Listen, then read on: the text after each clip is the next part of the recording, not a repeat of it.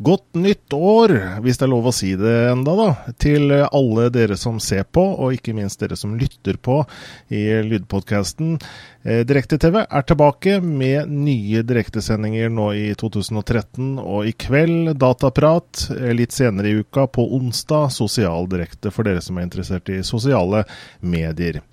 I kveldens dataprat skal vi snakke om TV-spill fra glansdagene på 80- og 90-tallet. Og vi får besøk av retrogeneral Jan Olav Hegevik fra Defekt. Men først skal vi ta inn min medprogramleder, som alltid i Dataprat, Einar Holden.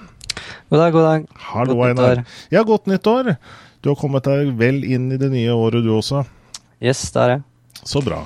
Hvilke forventninger har du til 2013 hva angår våre interesser? Eh, nei, som alltid er noen mer spillinteressert, da. Så eh, for meg det er jo alltid E3 og eh, muligens da lansering av nye konsollgenerasjon. Eh, I tillegg til da VU som lanseres, lanserte i fjor. Mm. Så det er vel primært det jeg i hvert fall ser mest fram til. Mm. Skjer det noen store ting fra Sony og Microsoft i år, tror du? Ja, eh, om de ikke viser noe fram eh, på E3, så er det i hvert fall utrolig rart. Mm. Eh, så jeg regner med at begge dem blir annonsert på E3 i hvert fall. Så, så om de da kommer til høsten eller ikke, det får vi nå se, da. Mm. Jeg leste han VGs anmelder skrev vel at han mente det ble da den siste generasjonen spillkonsoll. Tror du på det? Ja, det er ikke umulig, da. Eh, men jeg, jeg tror ikke det er siste der sjøl, da. Men uh, det er ikke langt unna, tror jeg. Mm. Det flytter til eh, nettskyen, liksom? eller? Uh, ja, jeg er litt usikker på hvordan det går. Altså, Sony har jo investert i uh, hva heter Gaikan-greiene, så, så de går jo mot streaming, og du har jo OnLive som fremdeles lever så vidt, så det er helt sikkert dit det går. Og Nvidia har jo starta med sin streamingaktige konsoll, så Mm. mye spennende framover, da. Men jeg jeg vet ikke om streaming er helt framtida ennå. Det kan kanskje være litt tidlig, sånn som OnLive har jo holdt på en stund. De har jo ikke tatt av. Ja, de eh, har jo slitt litt, da. Eh, Nå var jo egentlig konkurs, men de bare kjøpte opp og renama selskapet, så liksom eh, Mm. Det går ikke så fullt så bra som det kanskje kunne ha gått, da, men eh, de var litt sånn tidlig ute. da. Mm, mm. Ja, vi skal snakke, eller vi skal vie denne sendingen Dataprat 98 til, eh, til å snakke om spillkonsoller, men da ikke eh, så mye nå, nådagen, eller nåtidens spillkonsoller, og heller ikke fremtidens spillkonsoller, men vi skal se noen år tilbake eh, og se på de gode, gamle konsollene. Og i fjor høst, eller november var det vel, så var jeg eh, like borti gata her, Einar, så var det et sånn retroarrangement i, eh, i et lokal, et grendehus som er rett borti her hvor jeg bor. Og mm, jeg måtte jo selvfølgelig besøke det lokalet og se hva det var å se der. Og det var da et rom fullt av gamle spillkonsoller. Og jeg som er en sånn Commodore 64-mann, er jo helt eh, har jo vært blind for mye av det som har skjedd på konsollsiden. Så for meg så var det faktisk mye, mye nytt å, å lære fra det som var den gangen. Og på det arrangementet da, så kom jeg i prat med da personen bak det arrangementet, nemlig Jan Olav Hegevik, og vi ble enige om å ta en prat en dag. Og den dagen, det er i dag, så nå er du her, Jan Olav. Velkommen til oss. Jo, takk skal du ha. Ja, aller først så kan vi jo begynne med altså du, eh, Navnet på denne klubben deres er jo da Defekt Retro Gaming. Fortell litt om hva og hvem dere er.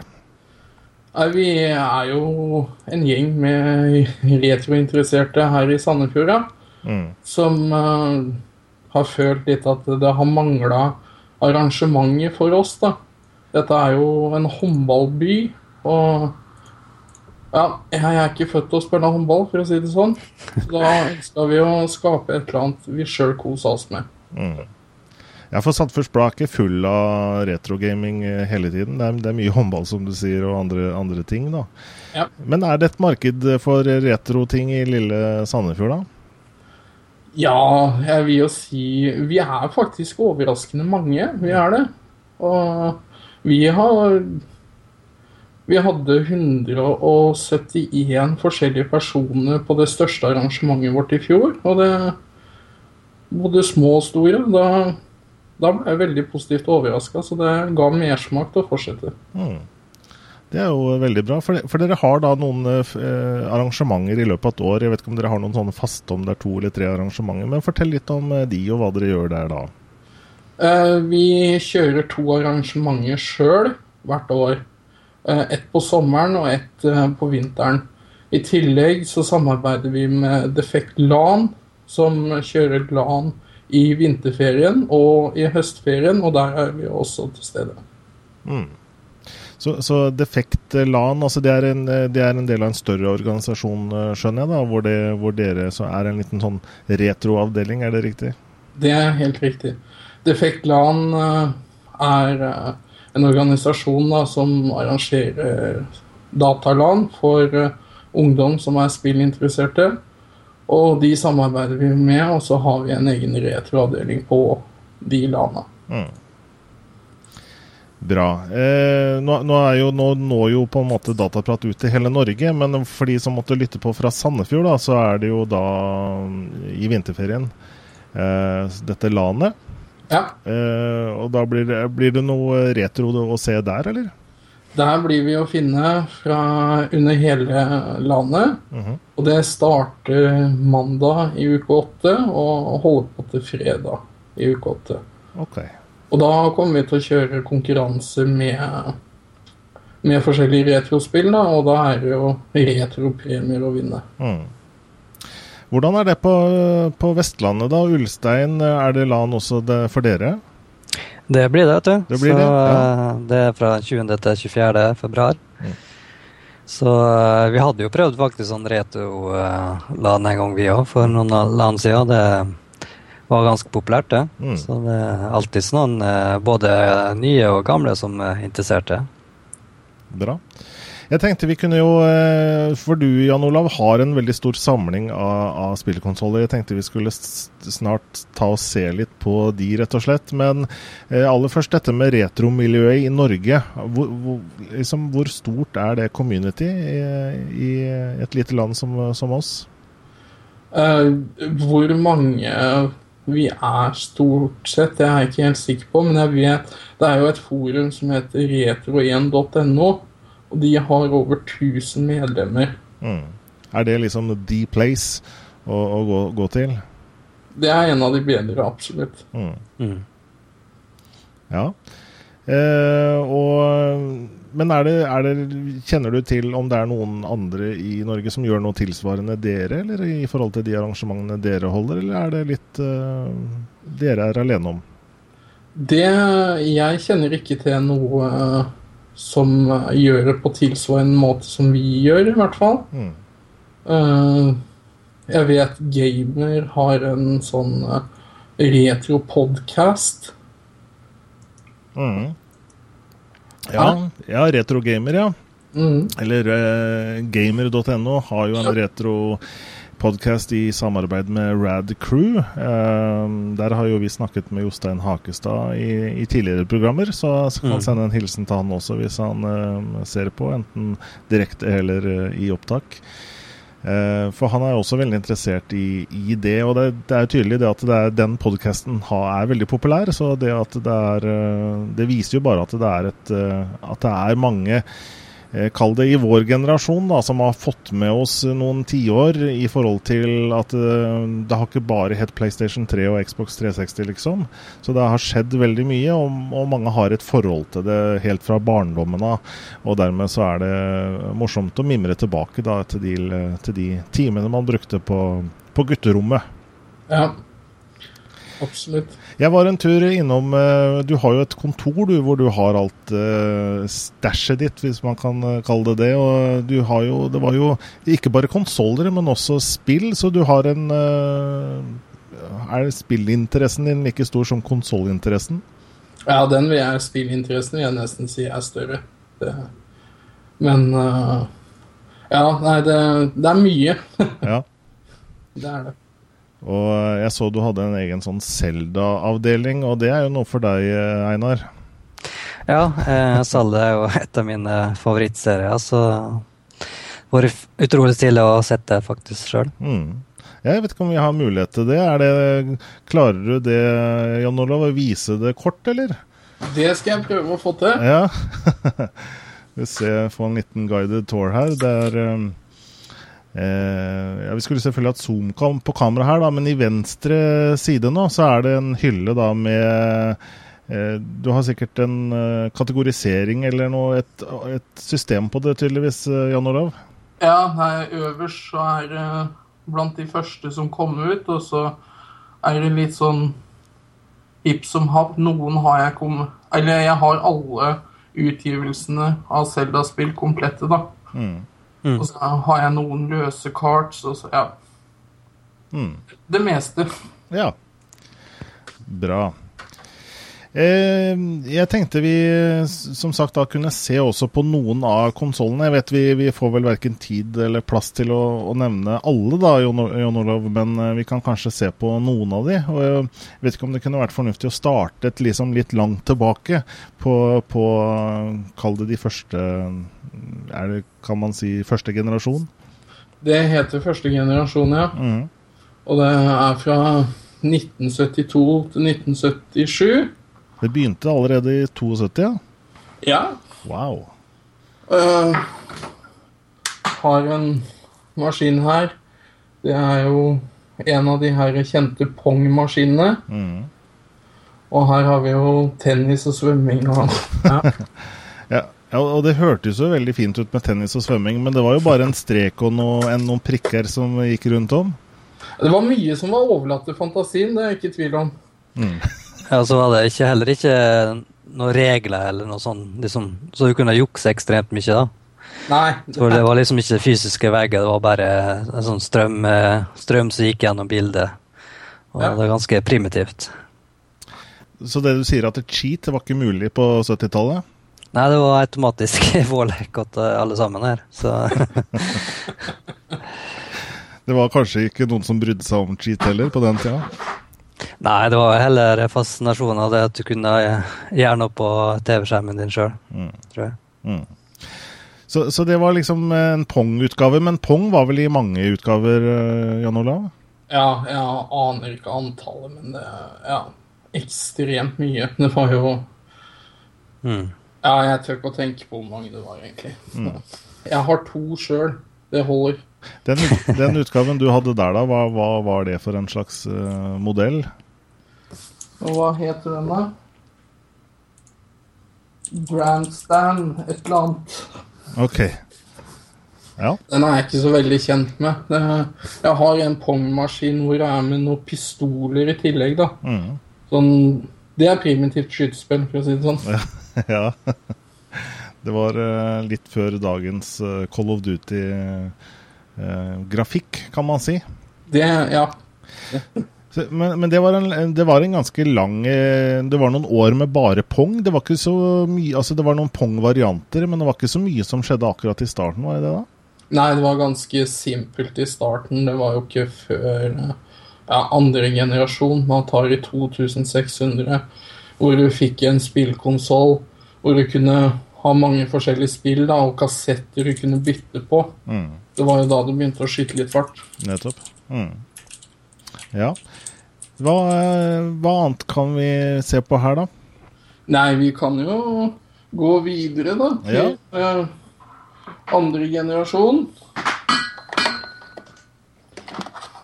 Mm. Og her har vi en Woody-utgave og en Atari 2600. Der ser du jo Asteroids. Ja.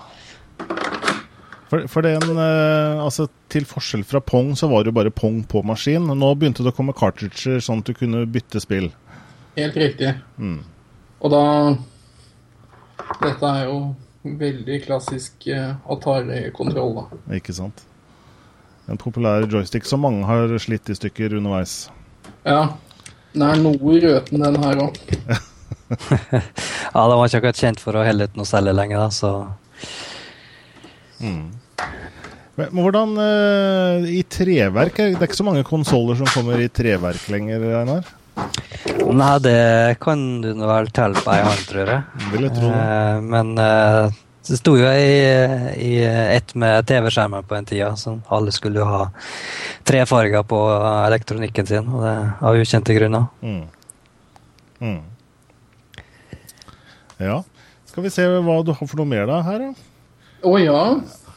Den, den du viste forresten med i tre, når er den var uh, hot? Når er den var på markedet? Den uh, ble utgitt i Europa i 1978.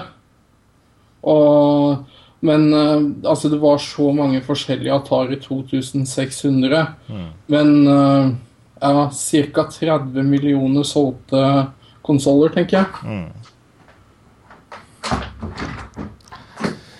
Jeg ser det, det, det, googles samtidig som vi snakker her, så lansert oktober 1977, sier, eh, sier en her. Og eh, ja, det, det er veldig fint at det kommer innspill, både fra de som ser på, på og bruker chatten vår, IRC-chatten. Det er jo litt eh, retro i seg selv å bruke IRC-chat. Ja, det, det var jeg ikke klar over når jeg prøvde også å finne informasjon om utgivelsen. Så fant jeg da 1978 Ja. Mm. i Europa, da, vil du merke. Ja, Europa er jo kjent for å få til litt, ting litt senere, da, så det kan være det. Mm, mm. Ja, så, så, så det jeg mente med, med innspill fra seerne, var vel egentlig at uh, det er bare å komme igjen med spørsmål hvis dere har det til Jan Olav. Så skal vi, skal vi passe på å prøve å få det med oss her. Og bruk chatten, som sagt. Eller da også Twitter går an å bruke med hashtaggen dataprat. da. Ja. Eh, Sinfor sier har altfor mye retro selv. Kan det bli altfor mye, Jan Olav? Har du altfor mye, du? Jeg, jeg spør du meg, eller skal jeg svare på vegne av kona mi? Ja, ikke sant? da, da, da ga svaret seg selv, tror jeg. ja. Ja. Eh, har vi mer å se på? ja, jeg vet ikke om Oi. noen kjenner denne. Eh, ja. Eh, litt usikker på hva, s- den heter nå, men eh, Ja, den er blir det, ofte kalt Famicom. Dette Fam- ja, det er Famicom, den ja, første Nintendoen sånn som den så ut i Japan. ja, jeg kjente ikke den pga. kontrollen på sida, så S. Det er originale nesen. Ja. Og noe som er litt fascinerende, jeg vet ikke om det syns her Ja. På andre kontrollen så er det mikrofon. Mm.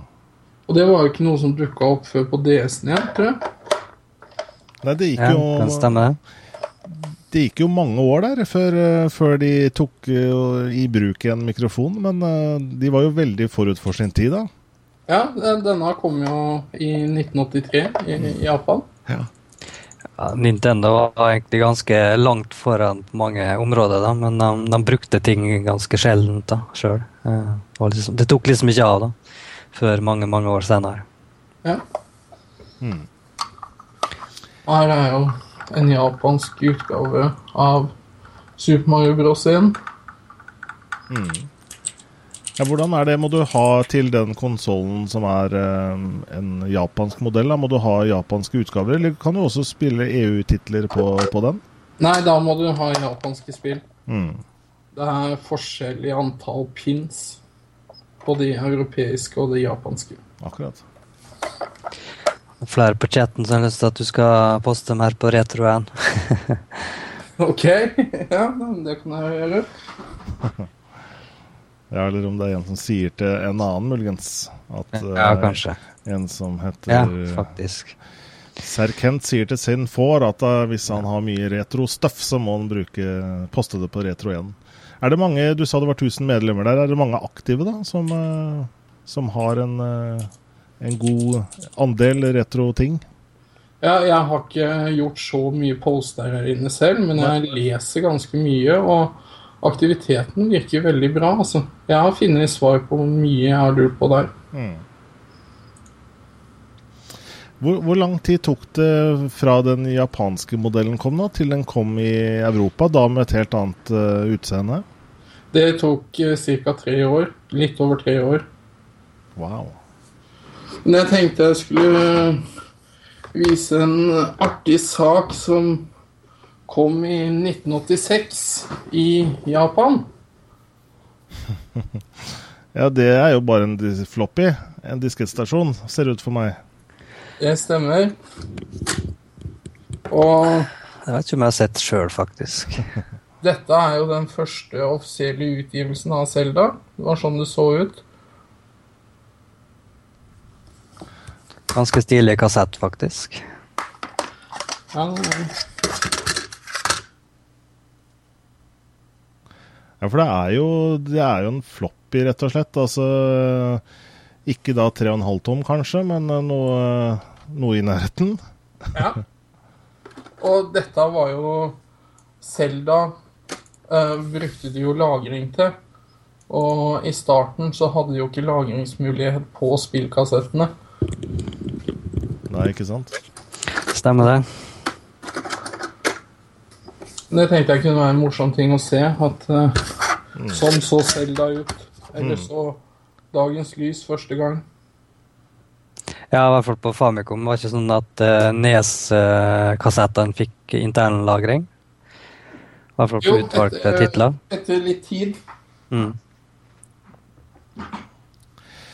Men sånn som den uh, floppyen der, altså, for meg så virker ikke det så lett tilgjengelig uh, hardware. Det er ikke sånn du ser på Finn uh, hver dag, liksom. Er det, hvor får man tak i sånt?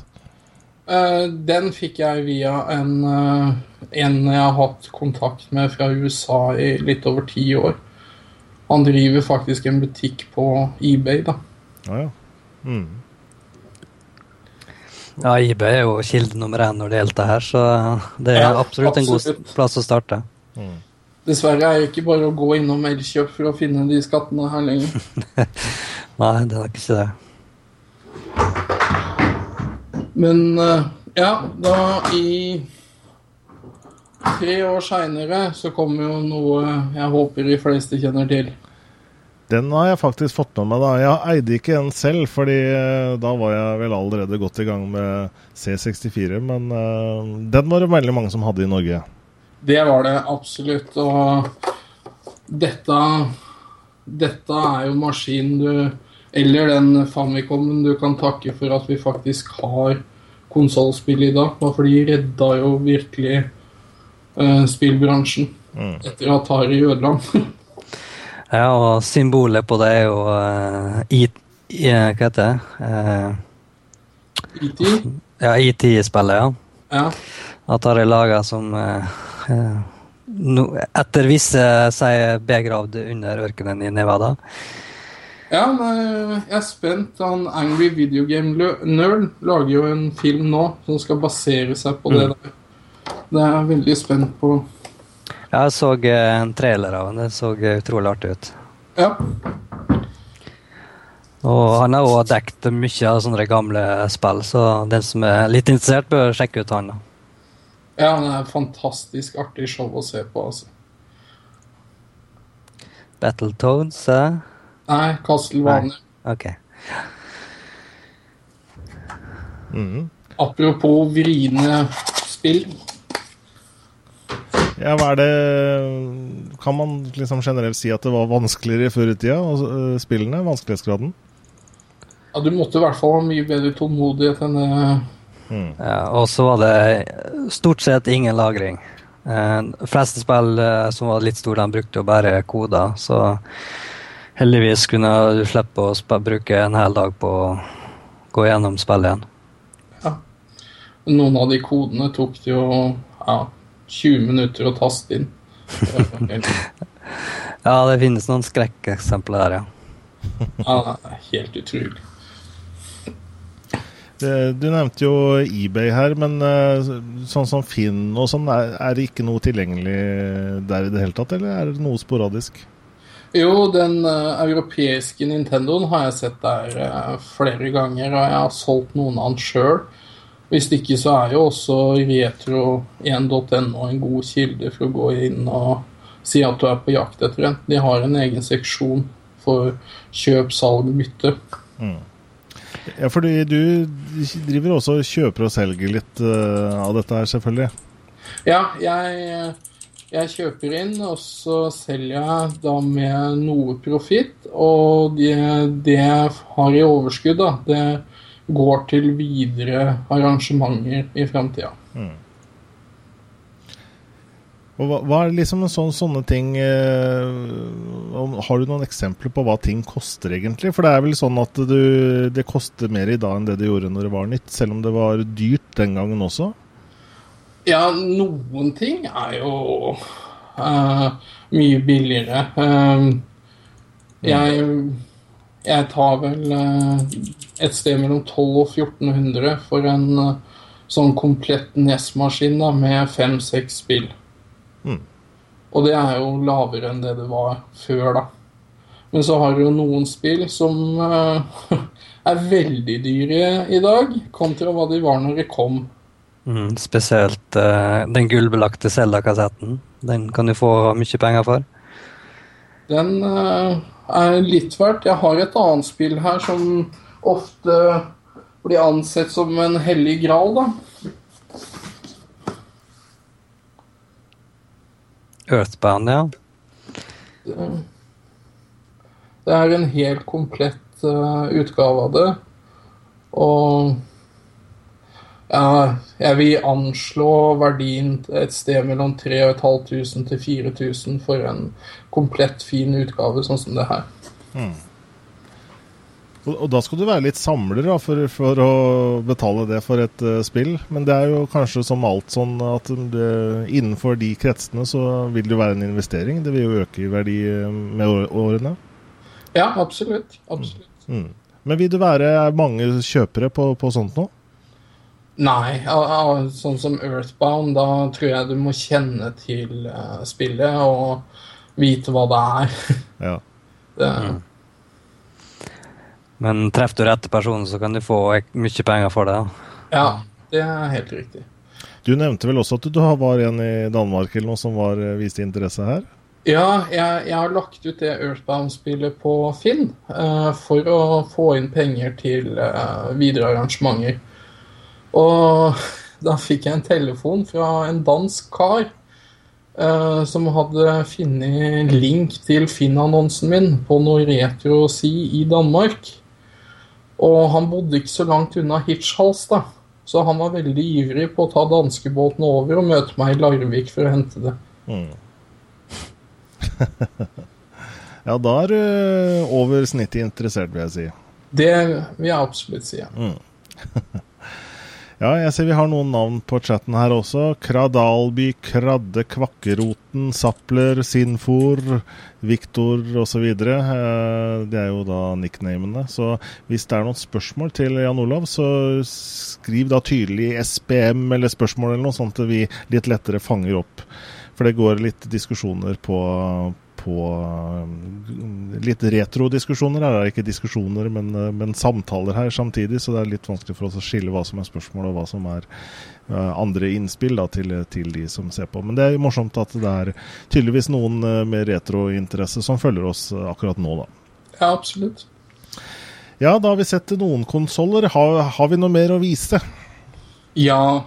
Altså, du har jo den største konkurrenten til Nintendo som er også fra tredje generasjon, da. Mm. Det er jo den første maskinen de kom med. Sega. Sega Master-systemet. Mm. Også med ja, topploading av spill. Mm. Og her igjen så er jo spillkassettene noe mindre, da. Ja. Mm. Uh, spør i chatten her hvor mange spill du har totalt. Så vi snakka vel kanskje litt før sendinga, men uh. Ja. Uh, jeg, har, jeg har ærlig talt slutta å telle. det er mye Jeg har mye på et lager. Jeg har mye her nede på kontoret mitt. Og så har jeg mye på loftet hjemme i hvert fall over 4000-5000 unike titler. Det, det, det, kan jeg garantere. Mm. Ja, det er bra. Eh, spørsmål fra Federico her, og det var vel også et spørsmål jeg tenkte å stille. Hva er ditt syn på emulatorer? Altså I dag kan jo jeg få alle de spillene du har inn på Android-telefonen min, liksom. Bare ved ja. tastetrykk. Um, I utgangspunktet så er jeg ingen tilhenger av emulatorer. Mm. Uh, jeg syns uh, spillene skal kunne oppleves sånn som det var tiltenkt den gangen.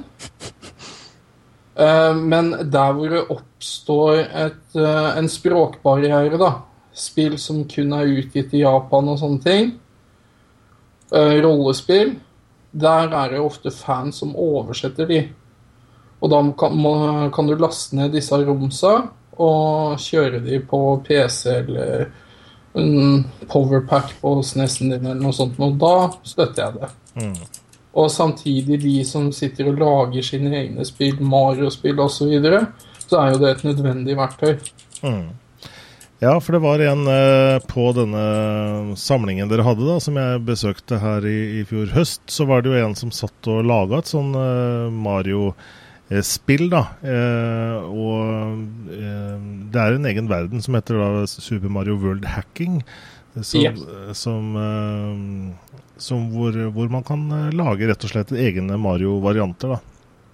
Ja. En som heter Alexander Aanvik, da, som også er medlem av Facebook-gruppen vår, er veldig opptatt av det her. og Han holdt på å jobbe med et Super Mario-spill som han kaller Super Mario 2D-land. Og det er det ellevte spillet han har lagd. Mm. Og disse Han er veldig aktiv bruker av et sted som heter smwcentral.net. Det er der de holder til, de som lager de spillene her. Ja. Så det er en gjeng som eh, på en måte er kreative og lager nye brett og, og nye versjoner da, av Mario-spillene. Ja. Og Alexander eh, skal faktisk ha release på dette Super Mario 2D-land under Defect Land da, i uke åtte. Jaha. Big release. Ja, faktisk. Ja, for det, det går sikkert noen uh, timer med å lage disse spillene. Det er litt morsomt at folk får uh, både glede av det og får gitt tilbakemeldinger også, antagelig, innenfor det miljøet. Ja, absolutt. Mm.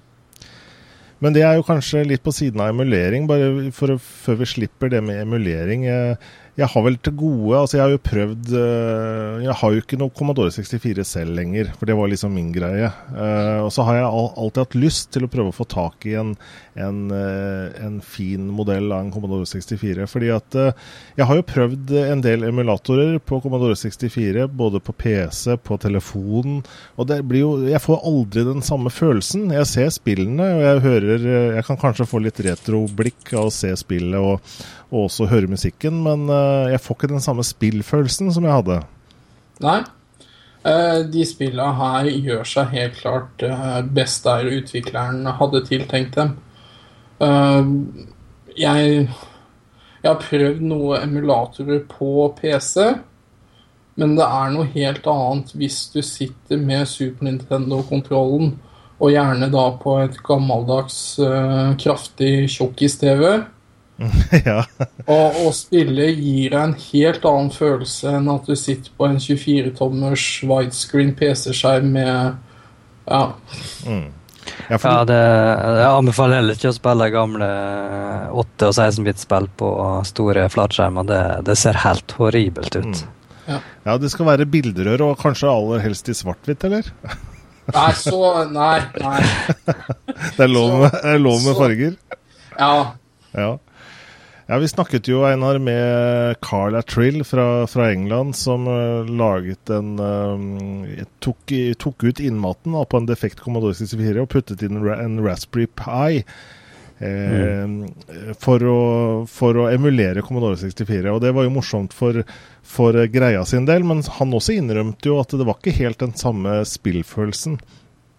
Så det, du må liksom ha det originale jernet, tydeligvis, da, for å få liksom 100 autentisk eh, opplevelse. Ja, uten tvil. Ja, altså eh, Du får jo kjøpt eh, kontrollere for, for de konsollene som går mot USB-porten, som i hvert fall gjør det tilnærma likt. da. Så det er i hvert fall noen få alternativ til sånt der. da. Mm. Eh, Jeg vet at du får både Snes og uh, Snes-kontrolleren, og så får du Nes, og så Commodore Nei, Commodore sier Nintendo 64. Så du kan koble faktisk rett til PC-en med et sånt adapter. Så det, det begynner å bli ganske godt med utvalg, da. Så det, men du må lete ganske godt for å finne det. da. Mm. Og er du som, som uh, Jan Olav her, ihuga fan, så vil du kanskje ha originalen for å, for å få den ordentlige retrofølelsen. da. Mm. Ja. Var et spørsmål her også fra en eller annen, og spratt det litt opp for meg, men det handlet om eh, eh, musikk. Hvilket spill har din favorittmusikk, spør sin for. Favorittmusikk um, Da vil jeg s eh, Det er kanskje litt klisjé, men uh, Megaman 2 eh, Musikken fra både Metal Man sitt brett, men også første brettet fra Dr. Wiley. Mm. Det er, det er ganske langt oppe, i hvert fall. Ja. Det virker som han er enig også. Yes, Megaman er kongemusikk, skriver han her. Mm. Eh, ja. Eh, andre ting da vi kan se på hos deg? Du har jo mange ting lina opp, eh, vet jeg. Det har jeg. Uh, skal vi se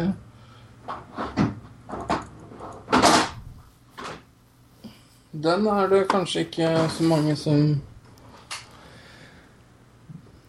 Den eh, jeg, jeg så Jeg må innrømme at den hadde jeg aldri sett før. Er det Jag... Nei, det er ikke Jaguar. Nei. Ja, Jaguar. Ja. Dette er en TurboGrafx. TurboGrafx er det, ja. Ja. Og det er jo en fjerdegenerasjons konsoll Mm. som eh, Men spillet er litt eh, artig, bare for de kom i CD-cover. Wow. Ja, Så er det er den som er sett på som ei arkademaskin, mer eller mindre. Ja, Eh, men spillet, spillet ser sånn ut. Altså, det var ingen plate, nei. Det var en, eh, en, en sånn mini-cartridge. En sånn tynn sak. Ja. Hu-card kaller vi det. Jaha. Så du bare stikker inn her. eh, var ikke, er ikke det regnet som den dyreste konsollen? Nei, den er jo Eller var det en annen? Ja, det er nok en annen du tenker på da. Men du har eh, de som Det kommer jo en CD-rom-add-on til den. Som du kobla tilbake her. Mm. Eh, og så kom det noen som hadde CD-rom-versjon i samme maskin. Og de mener jeg er veldig sjeldne og veldig dyre, så det er sikkert de du tenker på. Mm. Det er noen som uh, lurer på om det kanskje kan være Neo Geo eller Jaguar uh, det Ja. snakkes om her. Er? Jeg tror det er Neo Geo, ja. Ja, jeg har jo en sånn stående òg. Ja, ja det er jo Geo, ja. Ja, den Men jeg er husker i hvert fall spillet, for uh, den uh, Den du hadde der, var nokså dyr òg. Mm.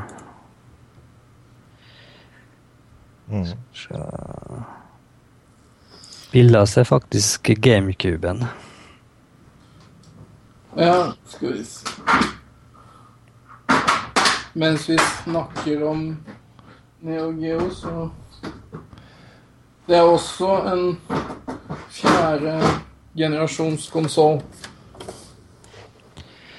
Der har du den, ja. Der har vi den, ja. Hva er det som var eh, Hva er det som gjorde den så dyr? Dette er jo Jeg vil jo si det er en arkademaskin eh, som du har hjemme, da. Mm. Den kjørte arkadespill. Og det er stort sett bare slåssespill til den. Ja, veldig mye. Hvis man Jeg kan jo vise for å sammenligne spillet at den er jo enorme. Ja. Jesus. Og hvis du Ja, dette er jo et amerikansk Super Nintendo-spill, da. hvis du legger de opp. Mm. Det er jo hinsides all fornuft. Ja, for de kommer liksom i alle typer shapes, shapes and sizes. Det gjorde de. Eh, så, så liksom hva, Jeg vet ikke hva bakgrunnen kan være for å lage noe så svært og, og, og komplisert. Eller det var kanskje mindre komplisert når det er størt, stort å lage. Ja, um, greia var jo at du måtte ha med minne for å så kunne få arkadespillfølelsen hjemme. Mm. Og som du ser, så er det jo to sånne eh, kretsgreier og Ja, de er jo enorme, de spillene. Men de gjengir jo arkadefølelsen veldig intakt. Mm. Eh, Det er noen i chat som lurte på hva, hva du syns om dagens sånn nymoderne retrospill, sånn som da har 8-bit og 16-bit grafikk. eh, Sånn, kanskje mest indie-spill, da. Eh, Jeg har lasta ned Fest til Xbox 360, som jeg gleder meg veldig til å spille. Det ser vanvittig bra ut. Jeg kom over et spill som heter 3D Dot Game Heroes til PlayStation 3. Som rett og slett harselerer blant annet eh, Eller harselerer blir det feil ord, men eh, kan minne mye om A Link to the Past og andre spill, da, og det er helt fantastisk. Eh, Det anbefaler jeg på det varmeste. Det må mest antagelig importeres, da, men det er utgitt av Atlus. Og liker du retrospill, spesielt av Link to the Pass, så er det virkelig noe som burde prøves. Hva var navnet på en, sa du? 3D.Game Heroes. Mm. Ja, altså, eh, noe, noe som er ganske populært i dag, er jo eh, Hotline Miami, f.eks. Uh, som er ganske sånn eh, ekstremt uh, 8-bit-aktig, men eh, på en måte med moderne mekanismer. Det er ganske tøft. Eh, jeg har ikke fått prøvd det sjøl, men jeg har sett en del videoer av det. Ja, det har jeg ikke prøvd selv. Men en stor forskjell var vel at eh, på, på den tiden hvor vi spilte disse første konsollene, så var det jo ikke noe annet. Vi visste jo ikke om noe annet. I dag så da, Dagens ungdom har, jo, har jo et forhold til eh, spill med rålekker grafikk. Allikevel så ser vi jo at det er suksess på sånne kornete 8-bits-spill, som f.eks. Minecraft, altså kan minne litt om eh, litt gammeldags spill, men det også fenger jo fenger jo veldig for, eh, for de som også spiller side om side Battlefield 3, liksom. Og det, det må jo være noe med handlingen her, ikke, hvor ikke grafikken faktisk er så veldig viktig allikevel. Nei, bare for når grafikk ikke er, er i fokus, da, så føler jeg at uh, det er mye mer kreativitet hos utviklerne, og story er jo gjerne viktig, da. Mm. For min del så eksisterer de beste rollespillene på 16-bits-plattform. Ikke sant? Mm. Det er nok noe som du sier med mestringsfølelsen også, da. Og eh, også kreativiteten til at spillerne kan ha sin egen kreativitet i spillet og lage sin, eh, kall det egen verden også. Da. At, det, at de står fritt til å, til å til å utfolde spillet på sin egen måte, da, enten de er interessert i å krige eller bare lage, lage store, svære ting, liksom. Ja, og nå kommer jeg på et annet spill òg, som er lagd med 8-bits-grafikk, som virkelig er verdt å spille. Cave Story. Mm -hmm. Og det har også fantastisk musikk. Ja. Detter, ja, nå, nå, ble jeg litt nervøs her. Nå gikk det 3000 kroner rett i gulvet. En annen gammel maskin. ja, det var en GameCube, så det var ikke så farlig. Ok. Bare ikke den Neo Geoen går i gulvet, for da Nei, den står trygt planta. ja. ja, for det er jo Er det litt skjørt, dette her? Er at du liksom må bære det litt forsiktig? For det er jo Komponenten har jo fått noen år på seg, og det går fort Det blir fort et brudd i en ledning eller et eller annet kretskort. Stort sett så vil jeg si det er ganske solid, men jeg er vel ikke ukjent med det at jeg må finne fram skrujern og loddebolt. Mm. Det, det, har skjedd, ja. Så det hender du må lodde litt, ja? Ja. Det, Det har hendt. det du visste sist nå, var vel fjerde generasjon. Hvilke, hvilke årstall er vi på nå da? Fjerde generasjon er 1987 til ja, 1996. Mm. Og fortsatt så er vi på cartridge-nivå eh, i forskjellige størrelser. Ja. Og det var vel eh, Det var vel kanskje litt gullalder for spillprodusentene? fordi det var, dette var vel ikke ting som var så lett å piratkopiere? Nei. Eh, du har jo mange løsninger som du kunne piratkopiere disse romsa på og sånne ting, men eh, det blei jo litt lettere å stabilisere det da med CD-er og kopibeskyttelse på de, mm. mens noen igjen var jo veldig åpne, da. Mm, mm. Ja. Eh, andre ting innenfor fjerde generasjon som er å vise, eller skal vi hoppe til, eh, til enda noe nyere, eller?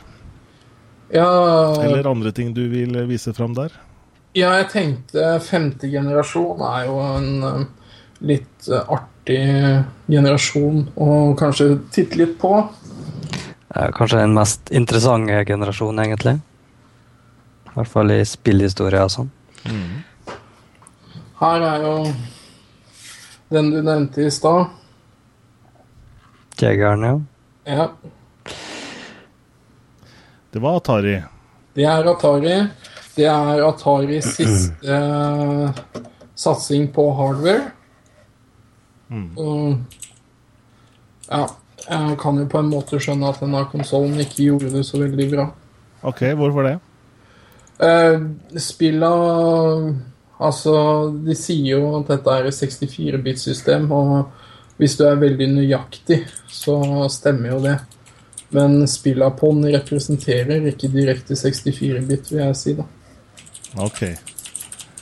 Var på en måte teknologien uh, for tidlig ute i forhold til uh, de som produserte spill, da? Eller hva, var det som skjedde der, egentlig? Ja, det, det, jeg har fått inntrykk av når jeg har lest om det, er at um, de som programmerte spill og sånn, sleit veldig med å utnytte uh, den kraften som var i Agaren, fordi mm. den var veldig knotete satt opp hardware-messig. Ja.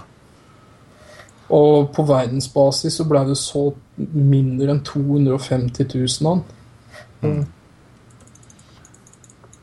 Så da har du et eksemplar der? Ja, og jeg solgte faktisk Jeg hadde to. Så jeg solgte en som jeg skal sende opp til Bergen i morgen. Mm. Har du eh, Philips CDI, da? Philips CDI har jeg ikke. Åh. Det har jeg ikke. Eh, jeg hadde en, men den eh, slutta å fungere, så jeg har ikke kjøpt inn en ny. Det har jeg ikke gjort. Mm. Jeg som, eh, som, er sånn Commodore-mann og Commodore Amiga og sånn, er, har du noe der, eller For de også kom vel med en slags konsoll? Det gjorde de, og det hører jo til femte generasjon. Mm. Det er ikke en konsoll jeg er veldig kjent med sjøl. Amiga CD32, ja. Yes. 32 bit. Den var 32. Og spilla var jo CD-basert. Mm. Mm. Um, de spilla jeg har vært borti på den her, er jo flere på brente CD-er. Så det kan jo være noe av problemet at den var lett å piratkopiere til. da. Mm. For det var vel ikke Jeg vet ikke om du kjenner den her, Einar, men det var vel ikke en sak som ble solgt i så veldig mange eksemplarer, den heller? Nei, eh, var ikke den bare på en visse markeder, hvis det er helt feil? Jeg vet, jeg vet, ikke om de solgte den i Norge. De hadde den kanskje i noen, eh, noen Jeg er litt usikker. Mm. De tallene jeg fant på den, var færre enn 100 000 solgte i Europa. Ah, ja, akkurat. Mm. Så det er jo Men kontrollen til den maskinen er en fascinerende greie, egentlig. Da får du en romskipfølelse.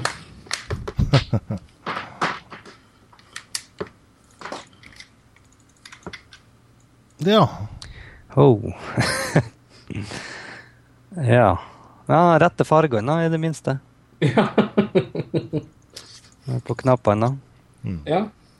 Men det som var litt eh, spennende med den, var vel det nettopp det at det da kom på CD-rom, ikke sant? Og at man hørte at eh, CD-rom var jo noe nytt, og det var jo ubegrensa med kapasitet du kunne ha i hele verden på en CD-plate. Trodde vi, da. Eh, Så det var jo litt liksom det potensialet som kunne være i spillmaskinen, da, men det kom vel aldri noen helt store titler der, kanskje? Som jeg kjenner til, i hvert fall. Du har jo Speedball 2. Det er jo et veldig kjent Amiga-spill. Mm. Uh, Superfrog fra Team 17, de som har Worms. Mm. Og hva er han heter? Han er eh, James Pond. Ah, det er der det kom, det, ja. Uh, ja, det er de Det er- jeg kommer på i Det har jeg ikke hørt om på lenge. Nei, det, det holder seg vel egentlig best sånn. Slutta bråte det der. Mm. Ja, sant. Ja, for det er jo snakkes om flaggskipsspill. For det, du hadde jo liksom typiske Altså Nintendo hadde vel kanskje Zelda, Ma, Super Mario osv. Uh, disse Sega-spillene, hva er det som var stort der? Uh, Sonic Mm. Uh, Alex Kid, det er jo på den første. Mm. Den, eh, men jeg vil jo absolutt si at Så har du Rocket Night Adventures, som Ja. er ganske stort. Eller Sparks der, da, som kanskje henter i eh, andre regioner. Eh, Så har du uh, Nights. Det kom jo først på Sega Saturn, som også er en femte generasjons uh, konsoll. hvor det kom en egen kontroll kun til det spillet, da. mm. Ja, ja. Såpass, ja. Egen konsoll for Eller egen kontroller for et spill. Ja, Sega var litt slik eh, De har jo en god del serier som har egne kontroller. Eh, Nå husker jeg ikke det her Macarena-spillet, men eh, eh, Åh, hva er dette? Ja, så har det et fiskespill, noe Bash uh, Bass uh, Fishing Game, Ja, den. Ja, til. Dreamcast, ja. Den derre Ja. fiskestangkontrollen. Uh, men jeg husker ikke at det er første spillet der du har sånn uh, Macarena-surister, eller hva søren det heter. Og uh, Samba Amigo. Ja, Samba de Amigo, ja. Ja, ja. Stemmer. Uh, Så han var utrolig vill på tilbehør, seg her eh, eh, Sega. Ja. Du hadde jo også noen sånne eh, pistoler. Eh, Noen av konsollene hadde jo det. eh, Som du kunne skyte rett på disse bildrør-TV-ene. Jeg skjønte aldri teknologien bak det, for, det, for det virket jo ganske til å stemme liksom, i forhold til der man pekte osv. Ja, det du ser hvis du Begge har spilt Duck Hunt, Mm. og idet du trykker på knappen, så blir skjermen svart. Men der hvor de her eh, endene flyr, da, har en hvit liten firkant som du så vidt ser, og den registrerer da treffet eventuelt. Ah. Akkurat. Ja, men dessverre funka ikke det på flatskjermer. Nei. Mm. Men der har vi annen teknologi da, som etter hvert har begynt å komme med, med eh, nå, altså Dagens generasjon begynner vel å hjelpe i forhold til noe utstyr hvor du kan både fekte med armer, og, og Ja. Sony har sin Move og osv. Ja, altså Nintendo Wien den er faktisk ganske Ja, god til slikt. Eh, den levner egentlig litt opp light, lightgun-genren igjen. Uh, Sega kom ut med sin uh, eh, Hva heter det? Ghost eh, Ghost Squad, tror jeg. Mhm. Som da var ganske artig. Eh, og så har du en del eh, House of the Hva heter det? House of the Dead. House of the Dead, ja. Ja, Mm. så det våkna litt til liv igjen, da, men eh, det er fremdeles litt for få, syns jeg. For det er en eh, ganske artig eh, sjanger å, å spille. Ja, for det, det var vel kanskje litt av suksessen til Vi, fordi at den lå jo ikke i tritt grafikkmessig med, med de andre konsollene, men du hadde en helt ny måte å styre på, sånn at det gjorde faktisk det litt gøy å spille igjen da. Mm. Og eh, skytespillet ble nokså mye bedre, da, men eh, problemet er at uh, selv om siktet var overlegen, så var liksom så mange implementasjoner av det ganske dårlig, visse, visse da, dessverre. Men, uh, så den, det forsvant egentlig like fort som det kom. Mm, mm. Vi er altså på Er vi på femte nå, Jan Olav? Femte generasjon? Vi er fortsatt på femte generasjon. ja. Er det og... andre ting innen femte generasjon å vise? Ja, du har jo en artig sak som sikkert mange har Noen, noe folk helst vil glemme, men uh... ja. Det er Nintendo sin store flopp, Virtual Boy. Igjen så Altså, for der eh, Jeg fikk jo lov å prøve det i fjor høst når jeg var hos, eh, hos dere. Og eh, det var jo en viss 3D-følelse, og du, du, det er jo det at du, du lukker synsfeltet for, for, for den, den, virkelige verden. Og det ser vi jo. altså Dette med virtual reality, det har vi hørt om i mange, mange år. Det blir liksom aldri noe, noe stor suksess. Men, uh, men, jeg har fortsatt en knapp på det, bare teknologien er, eh, er god nok. Uh, vi har sett flere nye briller også nå som kommer, som, som ser veldig lovende ut. Ja, Oculus Rift er kanskje det beste nå. Mm. Uh, DevKits uh, vil komme nå i april, så etter høst så regner med at det kan dukke opp litt spill. Mm. For det må også være bra nok til at ikke du får hodepine, som en uh, skriver her. Da. At du liksom du på en måte ser For det, for det var vel noe med den du viste der, Jan Olav, at du, du, det var ikke noe behagelig å spille i timevis. Nei, altså Jeg føler jo at Nintendo burde solgt disse med et halvt års forbruk av Paracet eller Ibux eller noe lignende. For eh, etter ti minutter spilletid så kjenner du det, altså. ja, jeg kan tenke meg det er ikke rart. Det er jo, det er jo ikke farger, det er jo bare rødt og mer rødt, egentlig. Ja, rødt så, og sort. Og det, det ble gjort for å spare penger, sånn at de ikke skulle ha farge på de greiene her. men jeg får så vondt i huet av det at jeg... Ja, Nintendo er eksperter på å spare penger overalt, så ja. Bundle pack. Ja, nå, nå ja, med Paracet. Med Paracet. Ja, det var det eneste Det er Nintendo Gloven som er eneste som er, ligger i samme rekke. Mm. Ja. Men de skal, de skal, jo ha for at de tør å prøve, da. Altså, De kan feile mange ganger, men plutselig så treffer de jo med et eller annet som alle har lyst på. Ja, de prøver. Jeg føler stadig vekk at de prøver å tilnærme seg spillere på nye måter. Mm. Og noen ganger så er de litt mer heldige enn andre, da. Ja. Og, Nintendo har jo vært ganske flinke og innovative da, med å prøve, prøve litt nye ting. Ja, det er, det er jeg helt enig i. Ja, de står egentlig for det meste av dagens uh, metoder, stort sett. Mm. Jeg så nå etter VU sin lansering med denne her uh, gamepaden, så skulle Sony uh, implementere noe asymmetrisk gameplay, men du måtte ha PlayStation Vita, da. Så kunne mm. du bruke den som en kontroll til noe spill. Så det er jo direkte kopiering av ideene, da. Mm. Ja, altså Det er nesten alltid at Nintendo leder vei, og, og, og, Sony ofte kopierer. Så Men Nintendo har jo ikke noe mot dem, syns det er bare fint, dem. Så Ja, det er jo en bekreftelse på at de har rett i noe. Ja, absolutt.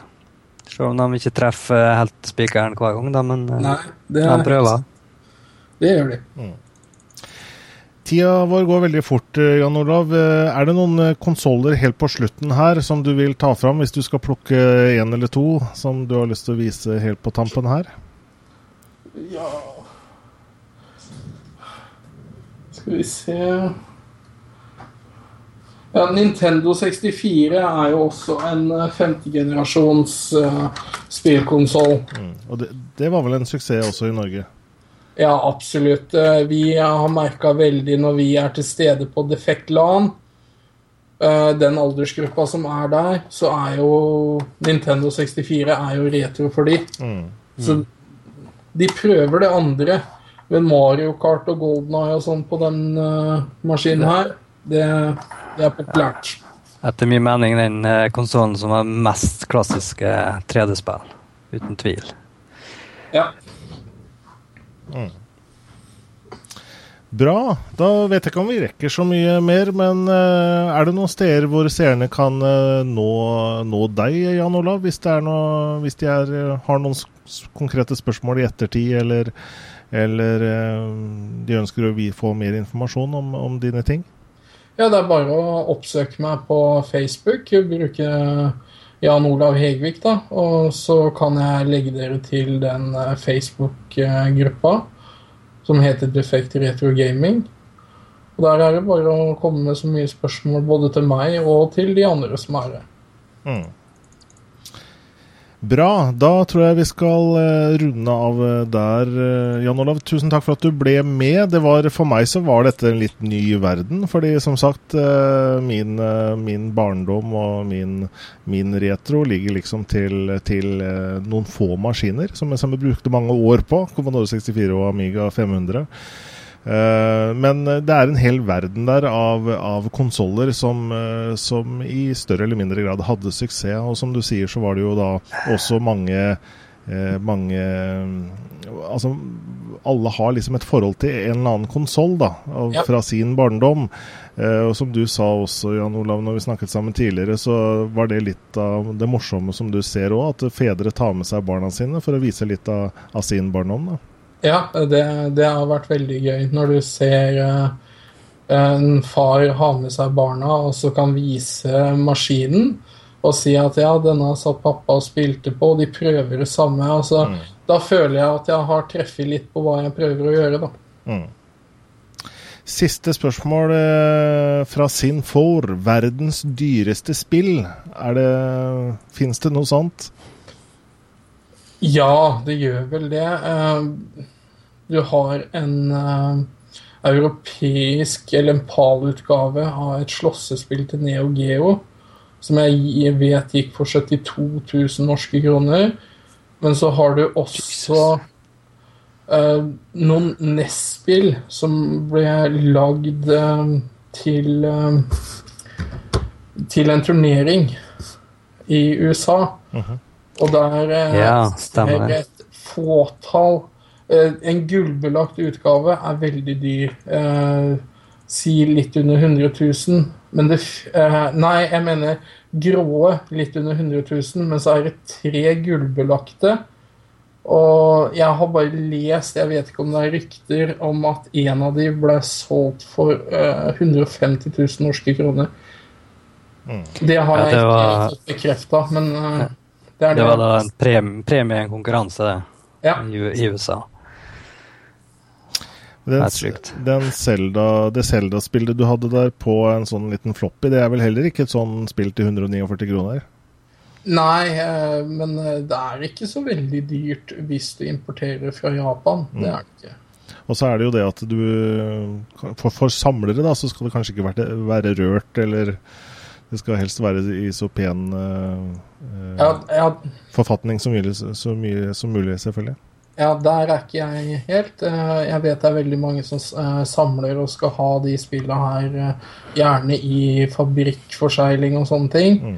Jeg er under tanken at det skal brukes Mm. Men jeg har full forståelse for de som samler og ønsker å ha en veldig fet utgave av et eller annet å kunne vise fram. Mm.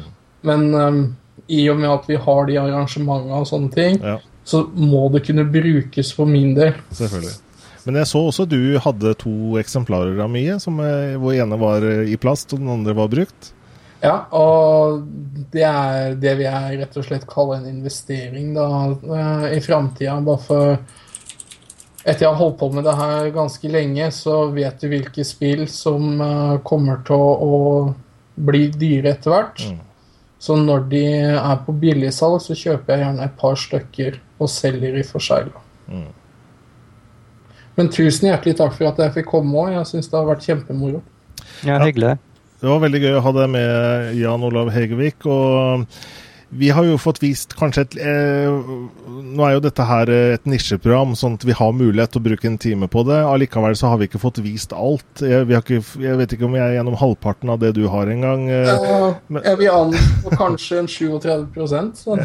Noe sånt noe. Jeg ser det ligger masse annet der som, som ikke vi rekker nå, da. Men eh, jeg håper vi i hvert fall har tatt fram eh, noen av de eh, spennende sakene. Og eh, det ser ut på chatten også som det har vært Vi har har nådd et lite retropublikum, og som har satt pris på et uh, program som dette. Så jeg må bare ønske deg lykke til videre med, med hobbyen din og med, med retroklubben deres i Sandefjord.